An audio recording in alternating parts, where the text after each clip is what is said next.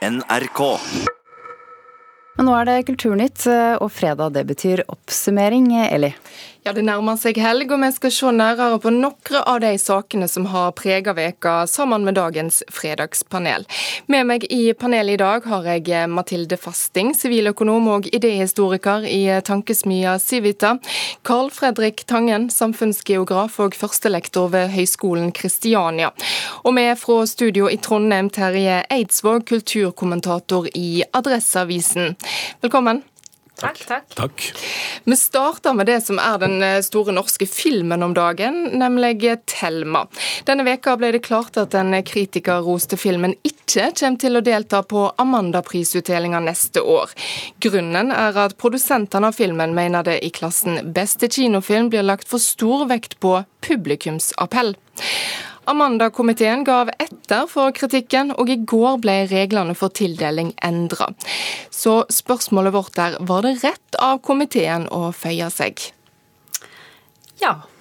Nei. Ja. Nei, hvorfor? Jeg eh, Det virker jo som om de ikke har noe sånn voldsom refleksjon i utgangspunktet rundt hvorfor de har de ene eller andre kriteriene og prisene og sånn. Jeg synes at Det er grunn til å stille seg spørsmål om det er lurt at det er publikum som skal bestemme hvem som skal vinne på den uh, måten, men uh, det, jeg syns at det er det, det vil gi for lite autoritet. Jeg synes at Prisen blir enda mer redusert når det virker som vi skal ha en pris for en, altså, vi skal ha pris for enhver uh, pris. Vi har ikke tenkt så nøye gjennom hva som er kriteriene for å dele den ut.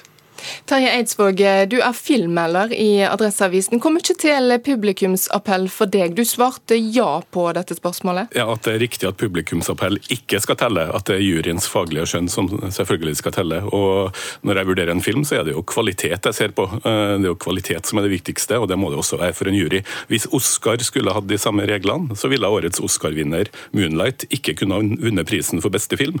Den ble sett eh, av ganske få i USA i ved premieren, men pga. Oscar-nominasjonen og Oscar-prisen så ble den sett av 20 ganger så mange eh, etter hvert, og ble også en moderat publikumssuksess i Norge. Men er det ikke ofte det norske filmer har fått kritikk opp, eh, opp igjennom for at de blir for sære?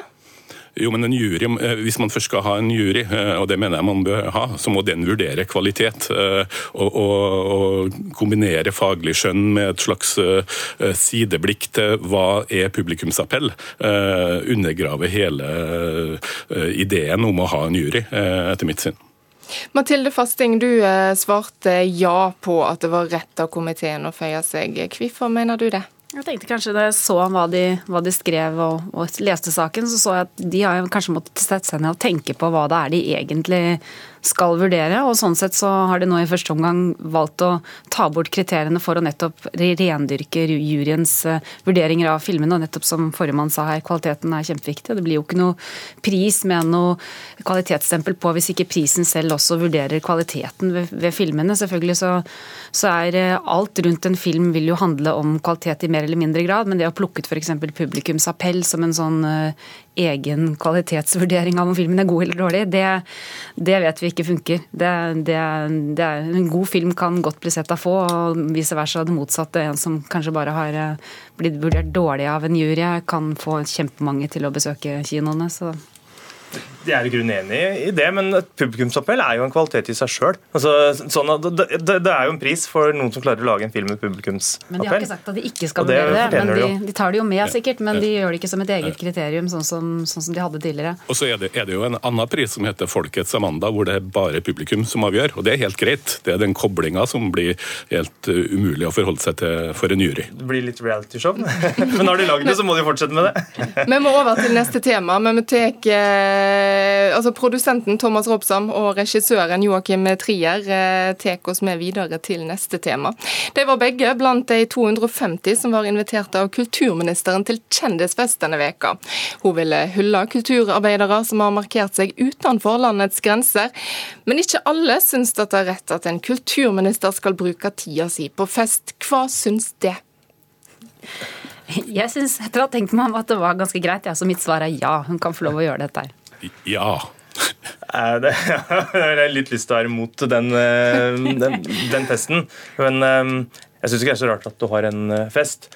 Det, reaksjon... det var problematisk. Det, det, det, er jo problematisk hvis det virker som om kulturminister altså jeg, tror, jeg, tror, at det som ligger under, da, er jo en forståelse eller en idé i kulturlivet at kulturministeren er liksom ikke god nok på kultur. At hun bryr seg om en eller annen fasade ved kulturen istedenfor det substansielle ved kulturen. Og at når hun da først får liksom mulighet til å profilere seg, så gjør hun det med å gå arrangere fest med folk som allerede er profilert, istedenfor liksom for å bygge opp kunstlivet i, i Norge. Så jeg jo, det, det, det, går an å gjøre begge deler. Ja, ja, ja, og jeg tror at en annen kulturminister kunne arrangert den samme type fest, og så ville ikke de reaksjonene kommet. Så det er en kontekstuell reaksjon. Det har du helt rett i, og det er mange gode grunner til å kritisere kulturministeren, men det her er ikke en av dem, syns jeg. Det blir litt smålig.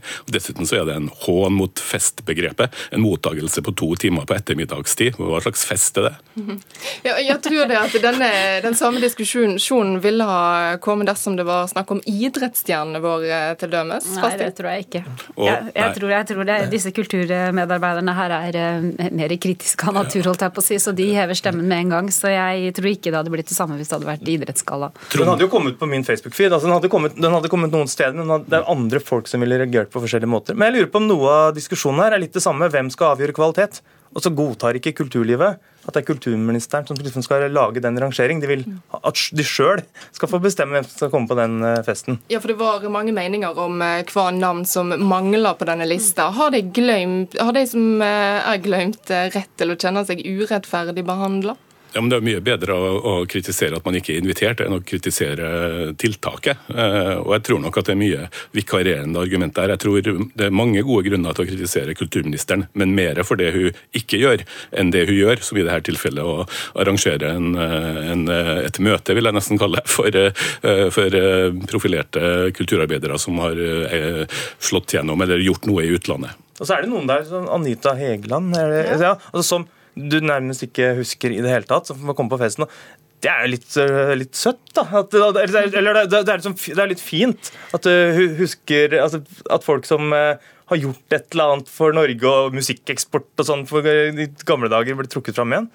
Det kan du si. Så jeg tror det at du alltid vil ha noen som vil, vil, bli sure fordi de ikke er invitert. Så da kunne det vært 500 stykker da, istedenfor eh, disse var 200, eller hvor mange det var som var invitert. Så de får komme neste gang, eller så får hun arrangere flere fester. Ja, større fest og mer fest. Svaret er mer fest.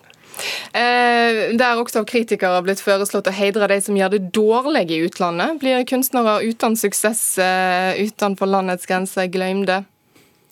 Det er kanskje like greit. Jeg vet ikke. Det syns jeg var en litt merkelig problemstilling, egentlig. Altså De som ikke gjør det bra i utlandet, ikke slår an i utlandet, vel, vel. Eh, det burde jo vært en sånn straffedomstol for journalister som hauser opp nordmenn som er i ferd med å gjøre, gjøre det dårlig i eh, utlandet, i hvert fall.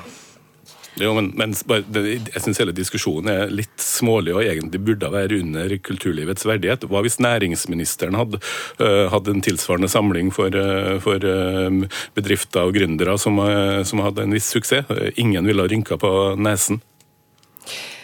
Fra pomp og prakt i Oslo til pupper i all sin prakt i Hollywood.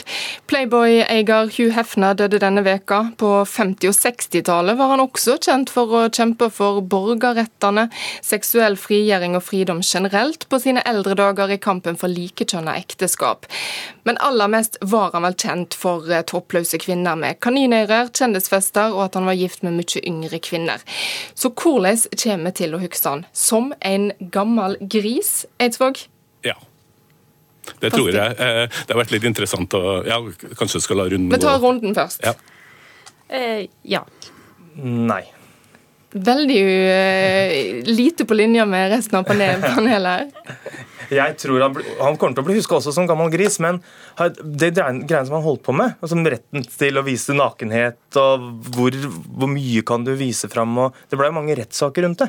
Og de er jo knytta til ytringsfrihetsspørsmål og sånn i, i, i, etterkant. Så det han har drevet med, selv om det er mange grunner til å være skeptisk til det og ikke like det, kanskje, det kommer til å bli huska av, av andre grunner som et sånt vesentlig kulturfenomen i hans tid.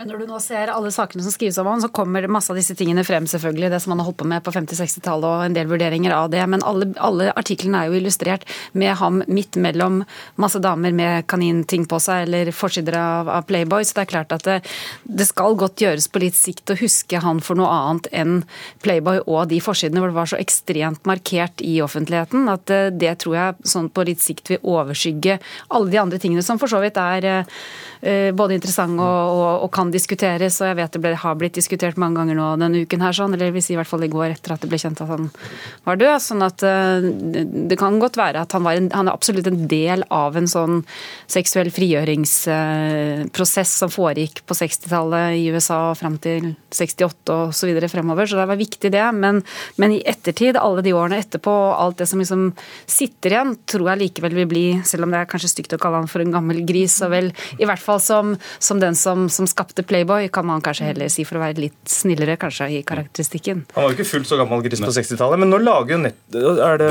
HBO har jo serie om framveksten av pornofilmindustrien på 60-tallet. Det som åpna for det, det var jo den type lovverk som folk eh, som, som han Hugh Hefner kjempa fram. Det er jo litt rørende å lese mange halvgamle menns eh, hyllester til han uh, i disse dagene, men for meg så har det vært overraskende å finne det her, særlig det borgerrettsengasjementet.